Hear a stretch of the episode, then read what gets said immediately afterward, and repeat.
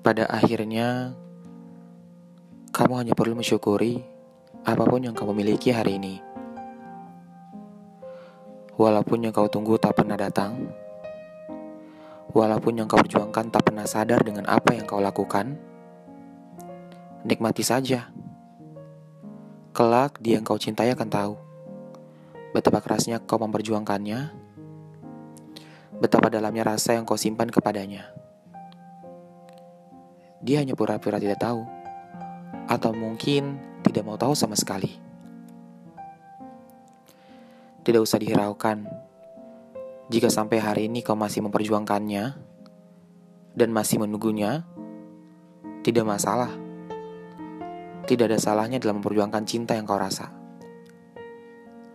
Namun satu hal yang mungkin bisa kau renungkan, menunggu ada batasnya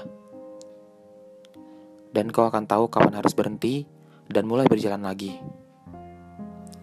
Meninggalkan tempat di mana kamu pernah berjuang sepenuh hati, tetapi tidak dihargai.